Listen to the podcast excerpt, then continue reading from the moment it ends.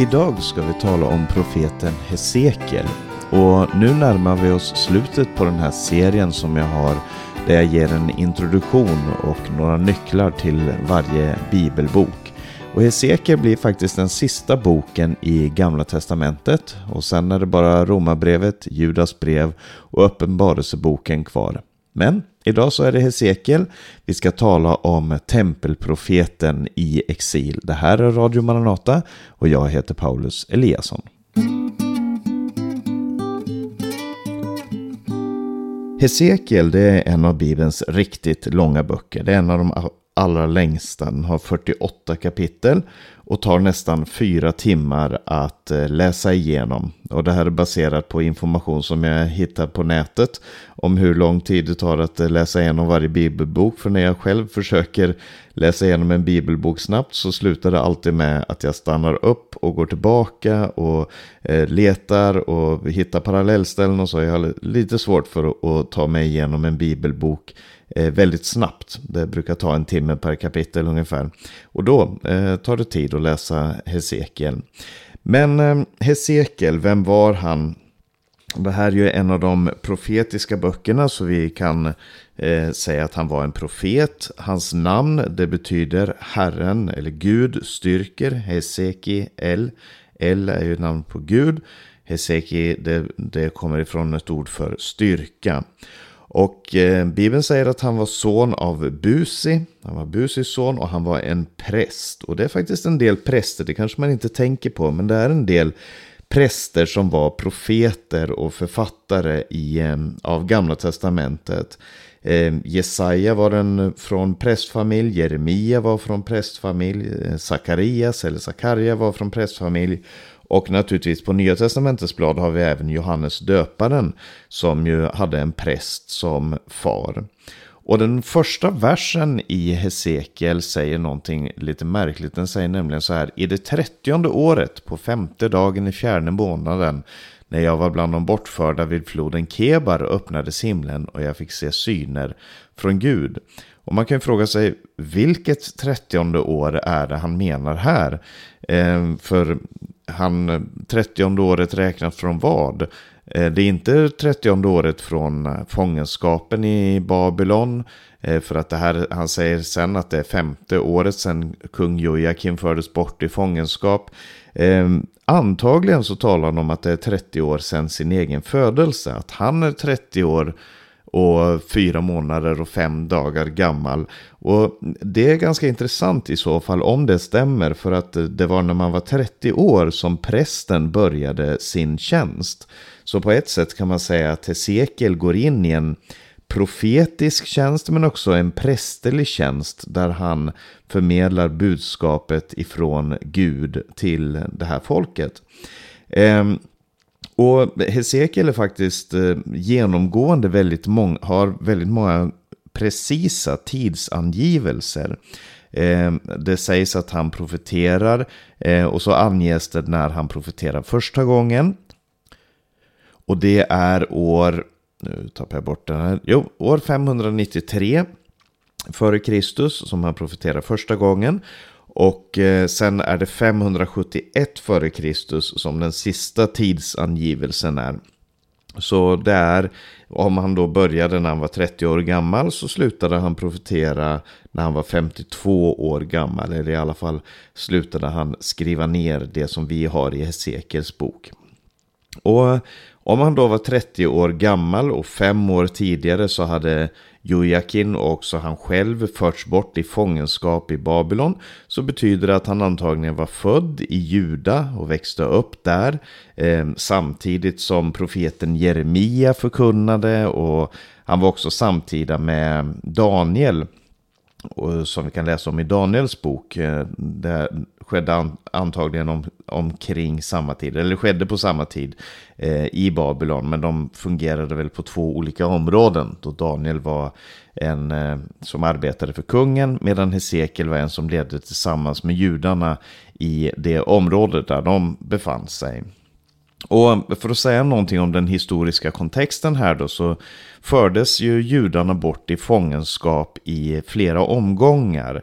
Eh, år 597 före Kristus, alltså fem år innan det här, så, så fördes eh, den första gruppen på omkring 10 000 judar bort ifrån Jerusalem med, om, med områdena runt omkring där till Babylon. Och det var framför allt eh, ledare, eh, politiska ledare, det var hantverkare, det var rika människor och sånt. Som, sådana som man tyckte att man behövde då i Babylon. Så de fördes inte bort egentligen till slaveri. Det var inte slaveri som i Egypten. Eh, det var inte koncentrationsläger som, som under förintelsen och andra världskriget. Eh, utan de hade en relativ frihet att eh, verka och fungera där. Och vi vet som till exempel Daniel då som, som blir Eh, en högt insatt person i Babylon. Eh, men de lever ändå under ett slags utanförskap där de befinner sig långt borta ifrån det de själva skulle önska för att de är själva inställda på att eh, fungera i Israel, i Juda, i Jerusalem och eh, att kunna tillbe Gud där. Men det är de nu avskurna ifrån. Och därför så måste man söka sin identitet. Vad är vi som människor? Är vi babylonier? Är vi någonting annat? Vad är vi när vi inte har templet i närheten? Och så vidare. Och eh, Hesekiel, profeten Hesekiel, han skriver till eh, de här judarna i exil och han skriver på väldigt många olika sätt. Jag brukar nämna någonting om i vilken genre som vissa som bibelböckerna är skrivna och man kan säga att Hesekiel han skriver i väldigt många olika genrer. Han skriver ordspråk, han, han skriver ner sina syner, han har liknelser väldigt ofta, alltså paralleller och, och, och, liknelser och berättelser. Han utför också symboliska handlingar, profetiska symboliska handlingar. Allt det här ska vi komma tillbaka till. Men, men man kan säga att Hesekiel har en väldigt eh, omfattande och, och, och bred genre. Och det stå, men det finns ändå genomgående teman i, i Hesekels bok. Det handlar dels om Guds härlighet och vad som hände med den. Den var ju i templet, men var är den nu någonstans? Eh, det handlar om Guds löften och hur Gud kommer fullborda sina löften. Och det handlar om en kallelse till omvändelse. Eh, Gud önskar att folket ska ledas till en sann omvändelse. Men låt oss nu gå in i den här texten.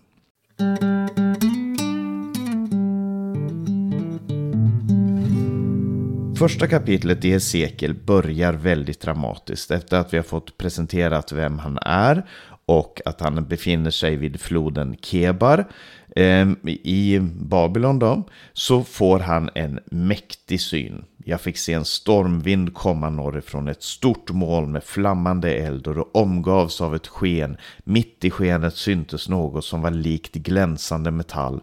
Och så får han en syn där han ser eh, andliga väsen eller andeväsen. Vi skulle kunna kalla dem för keruber eller serafer. Eh, som, som är ja, änglaliknande men med väldigt speciellt utseende. Och för att förstå de här väsena så ska man egentligen läsa väldigt mycket biblisk litteratur. Men, men vi kan tänka oss att det här är keruber. Och när vi läser om keruber i Bibeln, då vet vi att Gud är i närheten. Och det här är keruber som har fyra olika ansikten. Under dem så är det hjul och över dem så är det en tron. Så det här verkar som en slags mobil tron.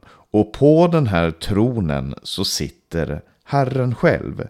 Eh, I slutet av första kapitlet så säger han så här i den 28 versen. Sådan var synen som tycktes vara Herrens härlighet. När jag såg den föll jag ner på mitt ansikte och jag hörde rösten av någon som talade. Det här är synen som man får. Han får se att Herrens härlighet kommer flygande på en tron helt enkelt. Eh, och han är ju natur måste naturligtvis vara förundrad och tänka varför är Herrens härlighet här? Är inte den i Jerusalem? Och för att vi inte ska få fel i tidslinjen här ska jag också säga att eh, templet i Jerusalem var ännu inte förstört. Eh, vid den första bortföringen till Babylon så var templet ännu inte förstört utan det kommer ske medan Hesekiel är i Babylon. Men vid den här tiden så var den inte det. Men ändå fick han se Herrens härlighet där i Kebar i Babylon. Och det eh, får en betydelse för det vi kommer läsa senare i texten här. Men så kommer vi in i kapitel 2. Där får han sitt uppdrag. Gud talar till honom och säger Människobarn, res dig på dina fötter så ska jag tala med dig. Och Gud sänder honom och han sänder honom, som han säger, till barnen med fräck uppsyn och hårda hjärtan sänder jag dig. Och du ska säga till dem, så säger Herren Gud. Så han får ett uppdrag att, att nå ut till ett folk som inte är berett att lyssna. Men, men han har en funktion ändå, Hesekiel, att tala till det här rebelliska folket för att förbereda dem för det som Herren ska göra och för att förbereda deras hjärtan för att Herren ska komma. Och det det börjar med i kapitel 4 och 5 är att Hesekiel gör en del märkliga handlingar. Han bygger en liten, ett litet miniatyr-Jerusalem som han eh, använder som utgångspunkt för att tala Herrens ord. Han får också i uppdrag att han ska ligga bunden på den ena sidan och eh, ett, ett helt år ska han ligga bunden och han ska eh, äta mat som, som är stekt över bröd som är stekt över eh, dynga. Och det är symboliska handlingar. Läs de här texterna och se de här symboliska handlingarna som man gör och se att det finns faktiskt många profeter i Bibeln som, som utför handlingar bland annat Jeremia och kanske han hade lärt sig av Jeremia eh, och stod i den, i den eh, traditionen om man ska säga så. För Jeremia han gjorde också sådana här eh, nästan performancekonst som som profet, som profetiska handlingar för att visa folket, för att väcka dem. Och det är så Hesekiel börjar. Han börjar att leva på det sättet för att visa folket Guds längtan, Guds vilja, Guds plan och Guds tanke. Eh, och han gör saker som symboliserar Jerusalems förstörande, som alltså ännu inte har hänt, men som är på väg. Och i kapitel 6 och, och kapitel 7 så, så står det att, så, så berättar han om Jerusalems förstörande. I kapitel 6, vers 14, jag ska räcka ut min hand mot dem och göra landet, var de än bor, mer öde och tomt än öknen vid Dibla. Då ska de inse att jag är Herren. Eh, och i kapitel 7, vers 2, slutet kommer, ja slutet kommer över landets fyra hörn. Eh, det här är profetior om att Jerusalem ska förstöras. Så kommer vi fram till kapitel 8 till och med kapitel 11. Där, får, eh, där förs eh, han, Hesekiel, från Babylon i en syn till Jerusalem. Och han får se vad som händer just nu i Jerusalem. Eh, man kunde ju inte ringa och fråga, man kunde inte skicka något meddelande och fråga hur går det där i Jerusalem. Utan Gud ger honom en syn där han förs till Jerusalem och där får han se fruktansvärda saker som händer i Jerusalem rent moraliskt. Alltså eh, i deras tillbedjan av Gud. Där de har satt upp inne i templet så har de satt upp flera gudabilder. Utanför templet så tillber man gudar. Det är män som tillber där, det är kvinnor som tillber där. De tillber olika gudar från folken som ligger runt omkring dem. Bland annat de babyloniska gudarna. Kanske man hade tänkt så att ja men nu har Babylon kommit och de vann över oss. Kanske de har starkare gudar än vår gud. Eh, och så började man tillbe de här gudarna. Och, och man gjorde det inte helt öppet, men det blev mer och mer öppet. Och i den tolfte versen i åttonde kapitlet så säger Herren till Hesekiel, Människobarn, ser du vad de äldste i Israels hus sysslar med i mörkret? Var och en i sin avgudakammare. De säger, Herren ser oss inte, Herren har övergett landet. Sedan sa han till mig, du ska få se ännu värre vidrigheter som de gör. Och så får han se några kvinnor som tillber eh, Tammuz. Eh, och det här var ju olika gudar då som fanns som i folken omkring dem. Och i det tionde kapitlet så, står, så får han se hur Gud, och han ser igen de här keruberna och de här hjulen som han såg i första kapitlet. Eh, och han ser Guds härlighet som, som flyttar sig till de här keruberna, den här bärbara tronen om du så vill. Eh, och så börjar de här keruberna röra sig ut ur templet, förbi de här avgudabilderna och allting som stod där. Och så rör den sig sakta upp mot eh, den östra ingången. Eh, och Babylon låg ju österut ska man komma ihåg. Så den rörde sig mot den östra ingången. Sedan ut öst, längre österut mot eh, mot eh, Oljeberget. Och sen försvinner den, när man läser lite senare i texten, så försvinner Guds härlighet ut mot Kebar. Och det var ju där som, som, eh, eh som Hesekiel såg Herrens härlighet. Så härligheten följer med folket i exil. Eh, Guds härlighet följer efter sitt folk. Även om det är ett rebelliskt folk så vill Gud umgås med dem. Det står i den eh, 18 versen i 10 kapitlet och Herrens härlighet flyttade sig bort från husets tröskel och stannade över keruberna. Då såg jag hur keruberna lyfte sina vingar och höjde sig över jorden och när de begav sig iväg var hjulen med dem. De stannade vid ingången till östra porten av Herrens hus och härligheten från Israels Gud vilade över dem. Så Gud överger inte sitt folk, men han önskar att göra någonting med dem. I det elfte kapitlet så säger Gud så här, och det är en väldigt viktig text i Hesekiel för att förstå hela tanken här, det är en nyckeltext. Eh, så står det så här i den 17 versen, därför ska du säga, så säger Herren Gud, jag ska samla er från folken och föra er tillbaka från de länder dit ni skingrats, och jag ska ge er Israels land. När de har kommit dit ska, jag, ska de göra sig av med alla avskyvärda avgudar och alla vidrigheter som finns där. Jag ska ge dem ett och samma hjärta och en ny ande ska jag lägga i deras bröst.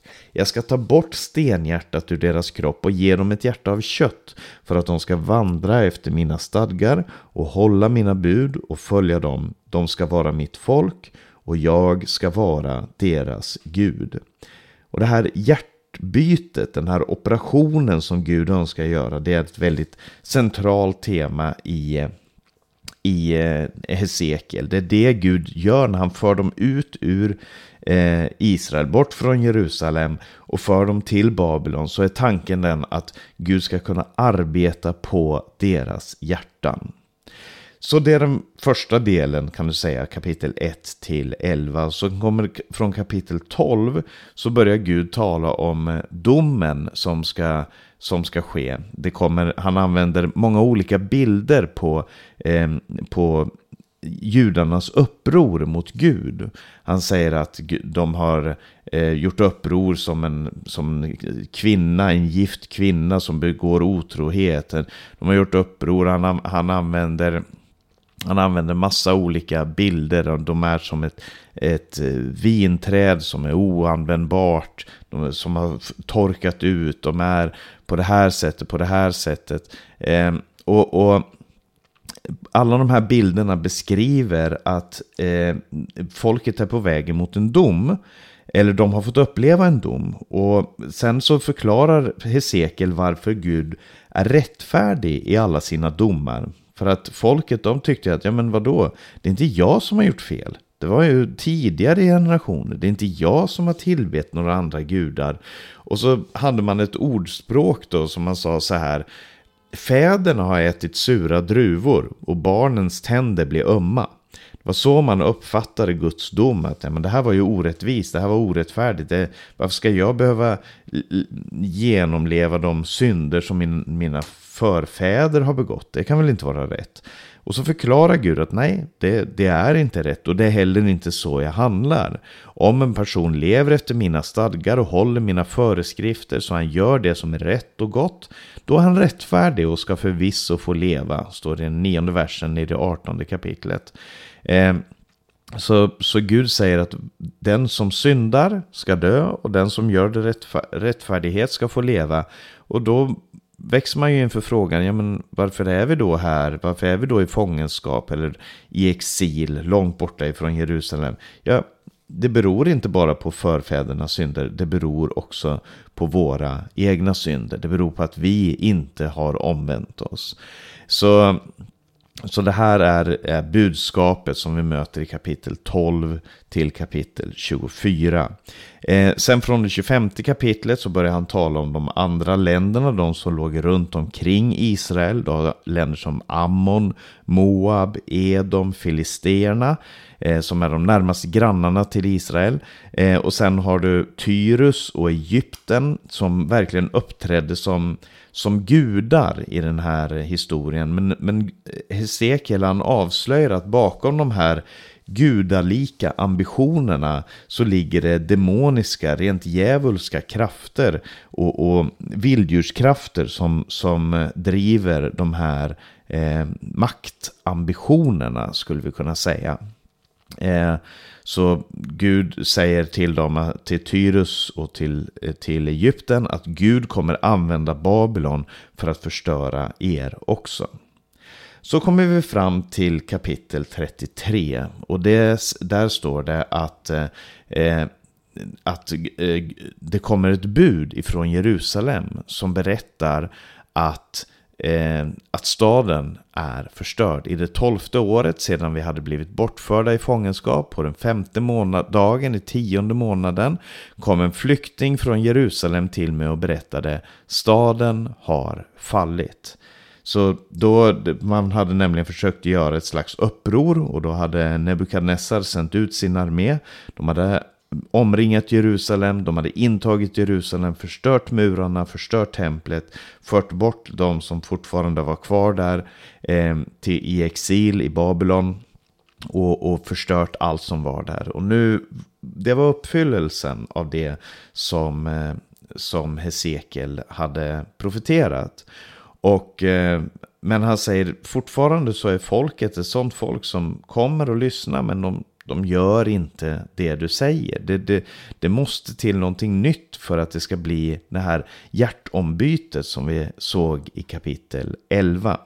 Och Eh, sen i kapitel 34 till 37 så börjar Gud tala om vad som är hoppet för det här folket. Och han säger, jag ska själv komma och vara en herde för mitt folk. Därför att det var så många herdar, så många som skulle ha varit ledare för folket som gjorde det som var fel, som, som förstörde, som eh, verkligen ja, förstörde landet på så många olika sätt. Men i det 34 kapitlet så står det så här i den elfte versen. För så säger Herren Gud, jag ska själv söka upp mina får och ta mig an dem. Liksom en herde tar sig an sin jord när han är bland sina får som varit skingrade. Så ska också jag ta mig an mina får eh, som varit skingrade. Eh, och så ska jag också ta mig an mina får och rädda dem från alla de orter dit de skingrades en mulen och mörk dag. Och vi möter här berättelsen om att det ska komma en ny kung, en ny David. Eh, det ska komma ett, Gud ska göra folket till ett nytt folk och de ska få ett nytt hjärta. Och i det 37 kapitlet så finns den här berömda texten som, som eh, du kanske har hört predikas om flera gånger. Som handlar om de döda benen i, i, eh, eh, nere i dalen. Och eh, där Hesekiel får se, kommer ner i en dal där han ser en massa, massa döda ben. Och så får han den här frågan. Kan de här benen få liv igen? Och han svarar Herre, du vet det. Och så börjar Herren tala till honom om att den heliga ande ska komma in i de här benen, ge dem eh, liv igen, få kött på benen, ge dem återigen eh, en ande. Och, och så ska de bli ett Guds folk, en Herrens armé. Och det är hela tiden den här, den här tanken som Gud har, den här längtan som finns hos Gud, att det ska ske en ny skapelse. Det har varit ett Eh, allting har förstörts, allting har blivit tomt och ödelagt. Men Gud vill någonting nytt. Ehm, och sen i kapitel 38 och 39 så talar han om vad som ska ske med de nationer som har rest sig upp emot Gud. Och här har vi berättelsen om Gog i Magogs land som du kanske också har hört talas om. Som är en sån text som, som är en favorit bland de som vill eh, berätta om vad som ska hända i den yttersta tiden. Och jag tror att det här har ett budskap för den yttersta tiden, det är sant. Men jag tror framförallt att Hesekiel, om man ser Hesekiel som, sin, som en helhet, så tror jag att Hesekiel talar om hur eh, Gog får stå som symbol för eh, människans ondska. Alla dessa kungar och härskare och människor som har genom historien förstört Guds skapelse, förstört Guds plan, förstört det som eh, verkligen var Guds tanke. Och eh, eh så 38 och 39 som beskriver hur den här Gog och Magog reser sig upp emot Guds folk. Men Gud kommer förstöra dem. Gud kommer förstöra ondskan över hela jorden. Och så till sist, jag har inte många minuter kvar här, men till sist kapitel 40 till 48, en stor del av Hesekiel handlar om det nya templet. Det kallas för den stora tempelvisionen. Eh, det är ett stort tempel, större än det som, som eh, har varit tidigare, som beskrivs där, som härligheten kommer tillbaka till. Och vad är det här templet? Är det någonting som ska ske i framtiden?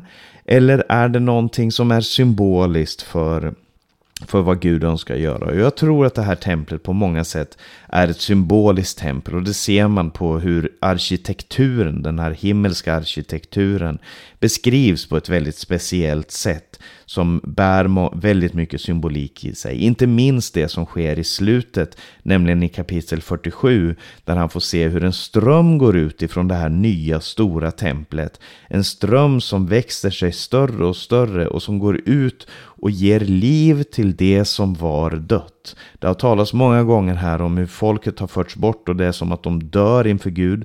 Men nu får de liv igen genom det här vattnet som rinner ut i hela världen. Och den här staden som, som Herren igen vill bygga upp, den kallas inte nu för Jerusalem, utan den kallas för Herren är där.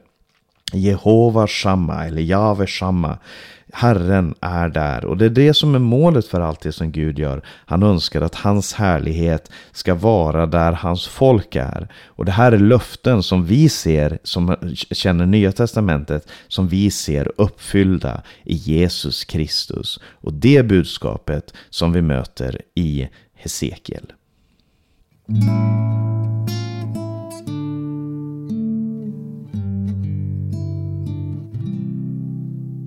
Jag tänkte att vi ska lyssna på sången En gång till av Camilla Eliasson och med Camilla Eliasson. Där hon sjunger just om eh, den här dalen med de döda benen och hur Gud ger ett nytt hopp ännu en gång. Jag ska bara nämna att du har lyssnat på Maranata Podcast. Jag heter Paulus Eliasson. Vi sänder över Stockholm och Örebro närradio, de här programmen också. Eh, du kan komma i kontakt med Maranata via e-post info eller telefon 070 201 60 20. Sprid Guds välsignelse till alla du möter och på återhörande. Rens mig med blod så jag blir ren. Ge mig min frälses fryd igen. Dra mig från sorgens djupa grav till nådens på ny en stadig ond i mig slik att mitt liv kan nära dig? Bytt till vision min minsta tvil en gång till. Herre, mitt nederlag var stort men kast mig för den skyld icke bort för i din närhet vill jag bli till evig tid. Och när mitt liv av höj och strå är bränt ge mig ett hjärta som